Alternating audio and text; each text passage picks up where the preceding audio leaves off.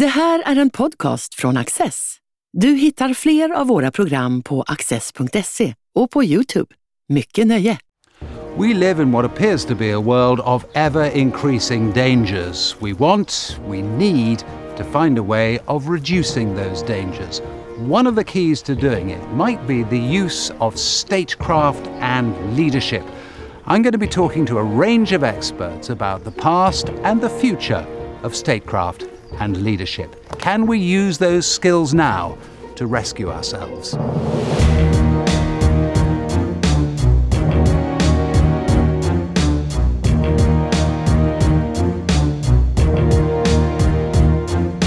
Julian Jackson is Emeritus Professor of Modern French History at Queen Mary University of London.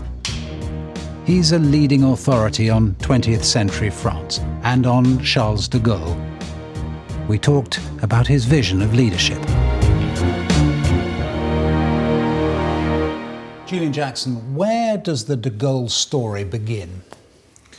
Well, I think it begins uh, as an entrance into history with a capital H.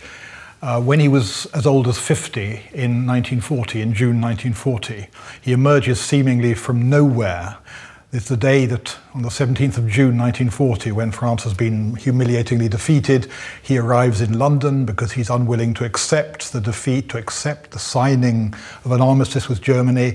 And he basically presents himself to Churchill, whom he'd met on two or three occasions before, and says, I want to speak on the BBC and say that this is not acceptable, we must resist, and so on. Uh, Churchill uh, is very seduced by this, and at least there's some Frenchman who wants to go on fighting. So on the next day, the 18th of June, uh, he makes what is now seen as a historic broadcast, what the French call the Appel 18 Juin, the appeal of the 18th of June. And that's the moment, in a sense, that he enters history, although the truth of the matter is that almost nobody heard the broadcast. And because the BBC didn't bother to record it, I, on perfectly good reasons, they thought, who is this um, unknown person who has just stro- strode into our, our studio? We don't know who he is. Is it worth keeping? So it's not kept. So we can't actually hear it because de Gaulle always refused to re record it. So that's the moment, but nonetheless, then it develops a kind of mythic quality. And for the French, he is the man of the 18th of June, the man who said first no to defeat. But he didn't come out of nowhere. So, in a sense, he, that's when he enters, as it were, public consciousness. But there is a prehistory. There's a man who had had 50 years of life, as it were, preparing for that moment. I want to get to some of that prehistory in a moment. But first, that moment and the moment he meets Churchill. Do, do we know what Churchill thought of him initially? Uh, they had met um, two they met on three occasions during those dramatic days of June when France is in collapse and so on. And de Gaulle, at the very last minute, as a junior general, he's the most junior general in the French army, and he's soon an ex-general because the regime of Marshal Pétain strips him of the title of general. Um, so he had been brought into the government in extremis on the 6th of June, so really the very last days. And so Churchill had met him on two occasions uh, then, and de Gaulle had also been once to London, as it were, to try and get muster more British support and so on. And Churchill was uh, amazingly impressed, and he writes to Roosevelt uh, after his first meeting with de Gaulle. There's a young French general who seems to have a bit of energy and passion about him. So that immediately strikes him. And um, when de Gaulle arrives in London, however, uh, if Churchill lets him speak on the BBC, it's partly in the hope, which turns out um, to be a, a, false hope, that de Gaulle will be a kind of magnet, will attract other people. Because he is unknown. I mean, the French don't know. You know that when he says on the BBC, uh, moi, le général de Gaulle, I, General de Gaulle, which is how he's, because he has to introduce himself, because no one knows who he is.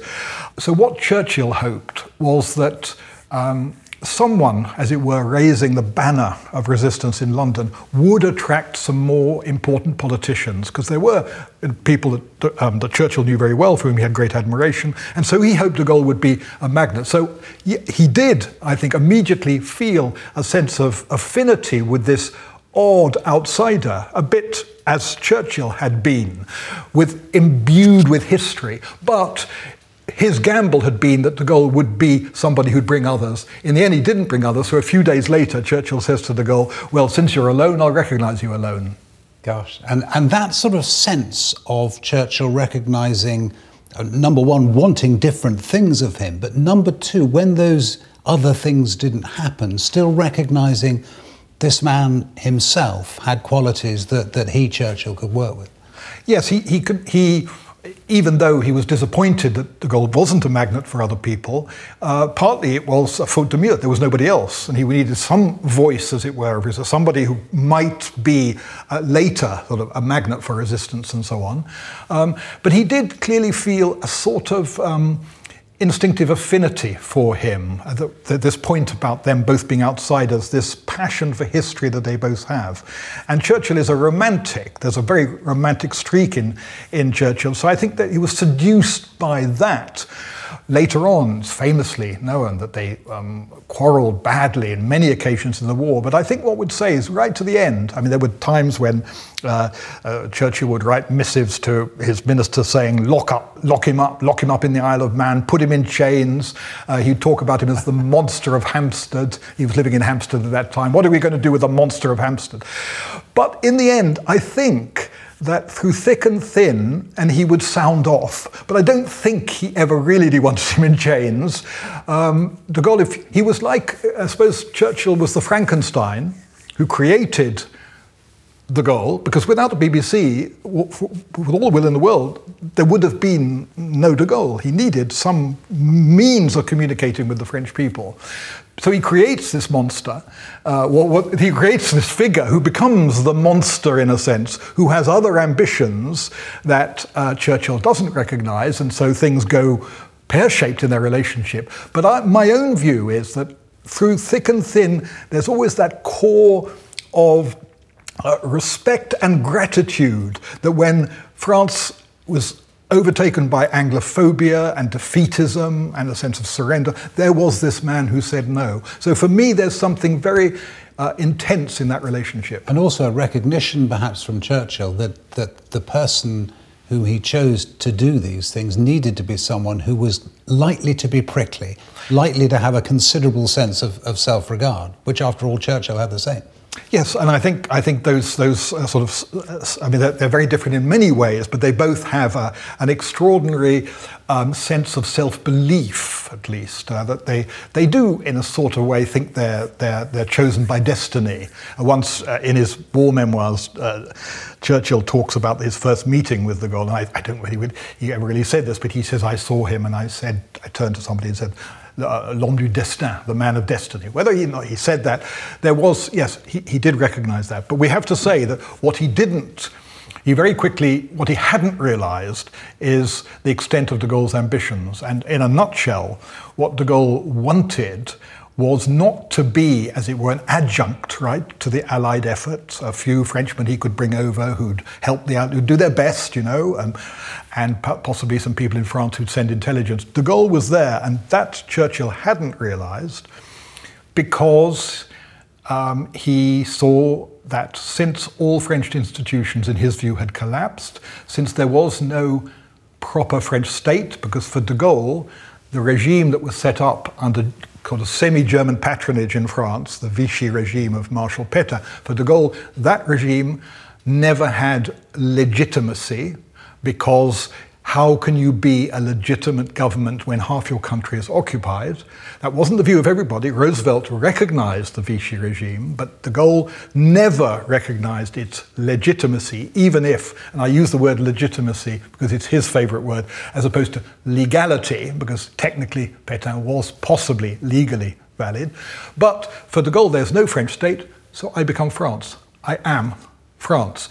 I, in other words, he's pitching to become a government in exile. That was something that, that Churchill wouldn't for a very long time recognized for many uh, pragmatic reasons, not least the fact that the Americans uh, didn't take this view, and also the British never totally wanted to break off their relations with Vichy, which was, after all, uh, you know, a potential threat and so on. So very quickly there becomes this, this, this, what you might call, there's always passion. What becomes this sort of, you know, a passionate love affair in, in 1940 it turns, you know, to, you know, very, turns very quickly very sour but there's always intensity there.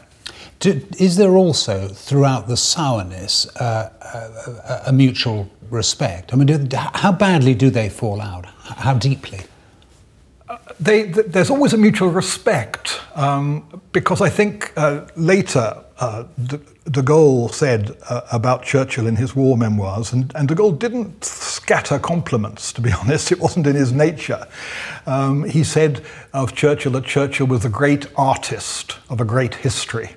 That there was a kind of artistry in his leadership, and this was a great moment, and so on. He, he, he, he, he responded to that, he admired that. What he said about Churchill was later um, was that Churchill had been great in 1940 in his reading of history, in de Gaulle's reading of history, after the Americans entered the war, after Pearl Harbor, and Roosevelt becomes a figure to, to contend with, uh, uh, de Gaulle's view is that Churchill allows himself to become too subservient to the Americans, and there's a long you know, later history about that and so on. But the, the, the mutual respect is always there. And, I, and I, I'm I'm glad that you asked the question because uh, so much of the relationship about the two is written only in terms of when I, when I first wrote my book on de Gaulle, everybody sort of said, "Oh, of course, Churchill and de Gaulle hated each other." Well, and I said, "No, that's the one th- that is yeah. so that is so wrong. It's very complicated, but it's not. It's it's it's intense. And it says that that, that is why I asked the question because it, it is interesting. I mean, we, we know we think we know roughly what how the relationship went, at least uh, broadly speaking, but when we are talking about leadership and when we're talking about the ability of leaders to persuade and deal with other leaders, which is, of course, what so much of leadership is about, this is quite a case study, isn't it? Uh, it's a case study in, on de Gaulle's side, uh, sometimes actually in how not to do it, hmm. not always yeah. how to do it, yeah. uh, because. Um, the people around, but I think if de Gaulle hadn't done it in the way he did it, he wouldn't have been de Gaulle. And uh, so, that, for example, his basic line was, um, I have nothing. I've arrived, basically arrived, he arrived in London with a suitcase and a one spare suit. And by the end of 1940, about 7,000 French who were on British soil had rallied to him. 7,000, that's absolutely nothing. There was no ambassador, there was no prefect, uh, there were no ministers. He was alone to all intents and purposes for the first months, probably sort of more or less for the first year. So his line was when you have nothing, the only thing you do have is the ability to say no. And bloody, he took bloody mindedness to, um, uh, to uh, turned bloody mindedness, which he was by nature, by the way. Actually, he was pretty, you know, he was bloody minded his normal relationship, but nonetheless, he turned it in to a, uh, a negotiating strategy, really. And sometimes I think he might possibly uh, have got more on some occasions with greater pliability, with negotiating wasn't really his thing, brinkmanship and intransigence. But he he theorized his intransigence in the way that I've said. A man who has nothing uh, has nothing to do except to say no because he's got no other weapons. So my, my no's are my weapon, as he would have said. Intransigent is, and he once actually said to Churchill, it's all right for you. Because Churchill said, why, you're so bloody minded, why can't you be? And he said something like, it's all right for you, you've got an empire behind you, you've got a fleet behind you, you've got a great army behind you. I have nothing. I have nothing except the ability to say no which is quite counterintuitive because you'd thought somebody with no, who has nothing, would not say no. But de Gaulle's view was by saying no, I'm noticed. If I don't say no, no one sees me. I exist. I need to exist. I need to exist, and because I don't exist, my, as it were, bloody mindedness, it's my word, not his word, is, is my way of existing. Yeah. You, you talk of him theorizing. Uh, he, he had a theory of leadership, didn't he? I mean, he had thought deeply about leadership long before he became, in any sense, a leader.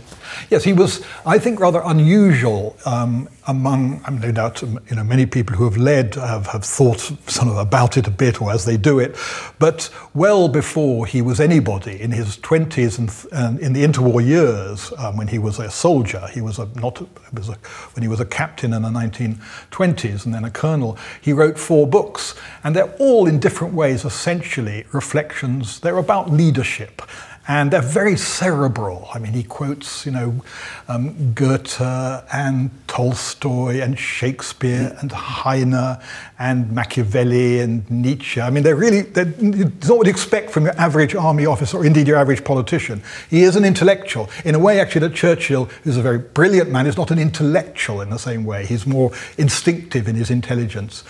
And he, I suppose, if you wanted to really pin down, and summarize uh, the, the conception of leadership that he outlines.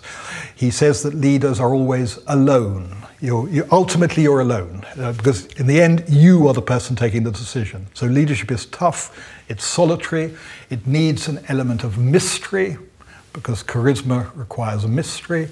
It needs ruse, it needs hypocrisy, it needs toughness. But I think the key message of those books are that leadership is um, a mixture of in, intuition um, and instinct uh, and reflection, intelligence. So people who just act instinctively, they could do anything, you know, they could wildly, but people who just think are impotent. So for him, it was this mixture of reflection and action and moral courage. Uh, there's a wonderful passage in one of the, those, those books where he talks about Admiral Jellicoe hmm. uh, in the First World War, and he says it was said about Jellicoe that he had all the qualities of Nelson, bar one the ability to refuse, to disobey. And moral courage is about disobedience. Sometimes, sometimes you need to disobey to show moral courage. And what he did in 1940 was um, uh, really uh, epitomizes that vision of leadership. So, an act of extraordinary moral courage basically just breaking with the country, which is, which is your country, um, disobeying the most venerable military leader in France, who is Marshal Pétain, but not just doing it in, in a kind of um, unthought out, just, you know, I, I can't accept defeat, so I'm going to in sort of a petulant, unthought out way. There's a, a, a, deep historical reflection, and that was the argument that he makes in the, the famous Appel of the 18th of June, which is this war uh, we have lost the Battle of France, but this is going to become a world war. It has become a world war in which the might of the British Empire and the British economy, and later the, the industrial might of the Americans, will prevail. And this small battle of France, which is lost, will be won as part of that. So that's this mixture of what you might call moral courage, intuition, and reflective intelligence. And that's his key concept of um, leadership. What did he see as the relationship, the proper relationship between the leader and the led?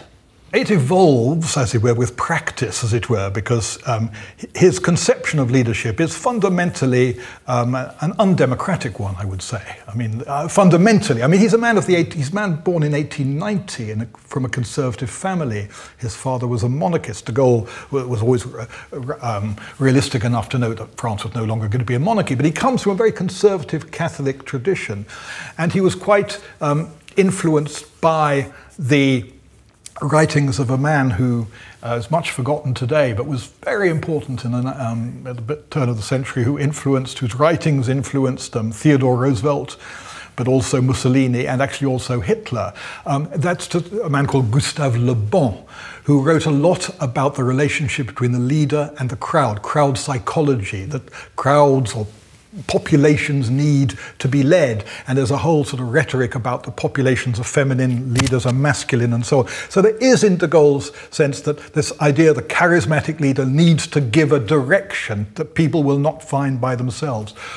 But what, where I think that becomes modified in the, after the war is the realization you know, he's got to contend with democracy, as it were. Hmm. And so, what he also becomes in his relationship with the led, as it were, the, you know, the people he leads, is a great sense of um, the provision of a narrative, that's the way we put it today, a didactic sense. People that you, you need to explain your actions. If I take the Algerian War as an example, of course, we, we know that one of the things he did in the 1960s was to get France out of Algeria, which where there had been a, a, bloody civil war going on since 1954, and it was a sort of pseudo French colony, etc.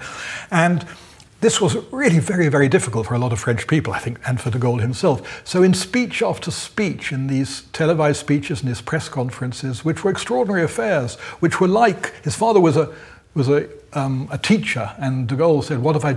Once he once said, "You know, what have I done all my life except to teach the French to understand their situation?" So these are um, bravura performances. He would, at his press conferences, which would last sometimes for two and a half hours, there were famous the, the people, the big room in the Elysee where 400 journalists would be assembled, and they weren't press conferences; they were um, they were lectures really to the press from De Gaulle, and uh, the, le- the, questions were all sort of planted and so on. But he would speak for two and a half hours without a note having actually written every word down before. And uh, once um, somebody I know who was present um, when he gave a wonderful speech in 1960 to the House of Commons on the state visit to London. Um, uh, actually, the person who told me was Antonia Fraser, who was at that stage the, the wife of a, a, Conservative MP, Hugh Fraser. So she said she was there, and she said we were given the script. And so we were following his script. She said, I literally, so there wasn't a word, he didn't have a note, and he spoke for whatever, you know, an hour, and there wasn't a comma that was different. In, so this, he had this extraordinary memory. But these were performances to explain. They were lectures, they were historical lectures. And so uh, the, the, one about one, there's one famous, the one about uh, towards the end of the Algerian War. He said, you know, this isn't easy for any of us, but we have to accept key Gaullist idea, uh, reality. The world changes. We can no longer, we might be nostalgic for the years there were great sailing ships and gas lights and so on, but we're living in the 20th century. We need to accept where we are in the world as it is. So, despite there being a kind of contempt, in a sense, for the masses, there's also a sense that they can be educated. So he moved from Le Bon, as it were, to this sense that my role, the role of a leader is to explain and to provide a, a, a narrative. And you could say that, you know, the French if we compare, for example, French disengagement from Algeria uh, with American disengagement from Vietnam, there was no real narrative. It was a defeat. But so was the French in Algeria. It was a defeat. But actually, the French came at Algeria thinking actually they'd nobly recognized the independence of Algeria, which was nonsense. Um, but it was, a, non, it was a, a, a, wonderful piece of you know, rhetorical presentation which made the French feel good about themselves in the 1960s in the way, say, when the Americans left Vietnam, they didn't feel good about themselves. It was so clearly a defeat. What does that tell us then about what he would make now of what we broadly term populism? I think what he would despise in what we broadly call populism was its appeal, I was going to say the appeal to, to the, the, the baser instincts, but it's, it's the demagogy of it, as it were. He was not a demagogue. Uh, he very often said what people didn't want to hear. Um, his view was that the role of the leader is not to, to flatter the crowd, it's to educate the crowd, if you want. And I think one could say many things about populism. I mean, the word's you know, now used, used a lot and it can mean many things. But that idea that you'll say whatever it's necessary to get power, a kind of you know, populist opportunism, is to me the antithesis of the way de Gaulle saw the world. There are, he, he, he saw his role not as it were to follow. I suppose you could say about the populist, he, um, he, he or she derives their, sort of ener- derives their position from the energy of the crowd, what they can do with the crowd, with the masses. But there is no sense of responsibility to tell the truth. You'll, you'll say what it's necessary to say to get where you want to be. That's, to me, at the antithesis of uh, what you might call a morally responsible sense of leadership that I think de Gaulle had. Yeah. And more widely of our situation now, the reintroduction to our global politics of, of Cold War thinking and Cold War facts, mm. in a sense, and not just with Russia, but with China yeah. as well. The way blocks have emerged again. I mean, he died in 1970. It was a long time ago, yes, wasn't it? Yes. And, and, and, an awful lot has changed since then. But can you kind of divine where he would see the world, what he would be advising our current leaders were he still here? No, I absolutely don't want to answer that question, but not, not just um, as a historian, mm. but as de Gaulle, because the one thing de Gaulle would always, one of, one of his absolute key ideas was contingency, circumstances, that one can never, and the world is always changing. The leadership is, is not about what he called a priori doctrines, which may be quickly shown to be absurd. It's about reacting to contingency, to circumstances, to changing in circumstances, which is not, of course, that he didn't have, as it were, a, a grand view, but his view was within that grand view. You always need to be uh, adaptive. And therefore, um, I can make speculations about things, but my major point would be that we, we, we, we unfortunately, because he did have this um, you know, great historical uh, vision, I think, but we can't know how he would adapt to present circumstances. All I can say is that, well, for example, you know, in 1964, he really annoyed the Americans, which wasn't difficult, um, and he loved doing it, uh, by recognizing communist China. And he gave one of those great speeches that I mentioned, these, these pedagogical lectures, where he was like the schoolmaster, which was like 2,000 years of Chinese history, why China will be the great, the great power of the 21st century. And it's an extraordinary performance. Uh, on one occasion in 19, middle of the 1960s, he said, of course, Yugoslavia won't last. It's just a, it's not a nation. It's a, um, and once Tito goes, it'll all collapse. So there are these, same about Iraq. There's an occasion where he said about Iraq, you know, look at Iraq. Iraq can't last. You know, it's Kurds and Sunnis and Shias. It'll. So he has this extraordinary, in, you know, historical intuitions, which are based on a deep historical knowledge. Um, um, but uh, uh, because I'm not de Gaulle, and, and I don't have that, I d- I don't want to put words into his mouth. All I would say is that in the 1960s, uh, he was um, obsessed really with. En- he felt that the Cold War was necessarily um, short term, that in a sense, uh, the, the, the, division of the world into two blocks, Soviet communist bloc and a whatever you call a Western bloc, was against the logic of history because, in the sense, what really matters is national interest, our national interests. So he didn't believe that, you know, ultimately, he didn't believe in the free world against communism. That wasn't his. His belief was the ultimate primacy of uh, the nation state in which he wasn't necessarily a visionary about the, you know, he had very complicated views about Europe, but he believed that the two blocs would ultimately disintegrate or, uh, or that there would no longer be a Soviet bloc. He always said the Soviet Union cannot last, it will collapse, it's necessary. They, they won't keep their domination over Eastern Europe. And that will be a good thing for us, a medium sized power, because as long as we have a world of two blocs, we are crushed in the middle. We, we, we either have to be in one or the other. So there's no possibility, as it were, of uh, autonomy. Uh, and he wasn't um, an illusionist. He wasn't self-delusional. He knew perfectly well that France was a medium-sized power. A lot of people think about de Gaulle that there was a sort of uh, kind of slightly crazy side. Not at all. He was totally aware of the limitations of French power. You know the famous phrase he once uttered. You know, people ask me who I should compare myself in history. Would it be Napoleon? Would it be Joan of Arc? Would it be Charlemagne? Tintin, he said. It's Tintin. I'm Tintin. Nobody notices I'm Tintin because I'm so tall and Tintin was so small. And what do you mean by that? He said, we, we're small people who operate by our wits in a complicated world of bigger people. So he was always aware of that. So he wanted the end of the Cold War because he thought it was uh, dangerous, but also because it would allow greater maneuver for France.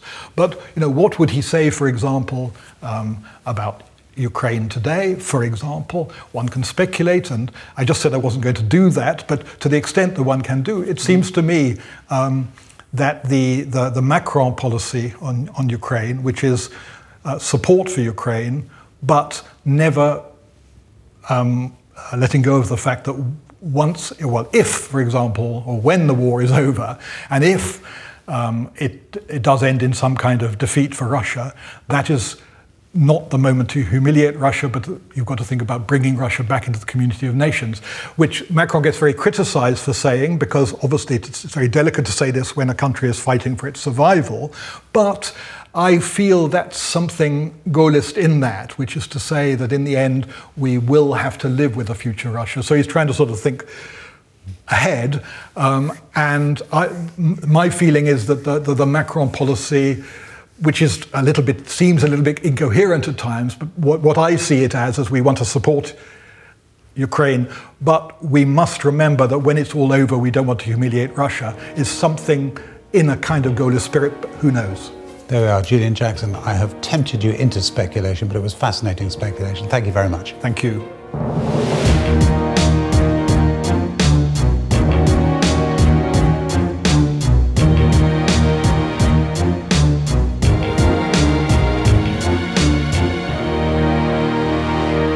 Du har just lyssnat på en podcast från Access. Du vet väl att vi också är en tv-kanal och tidning? Teckna en prenumeration idag på access.se.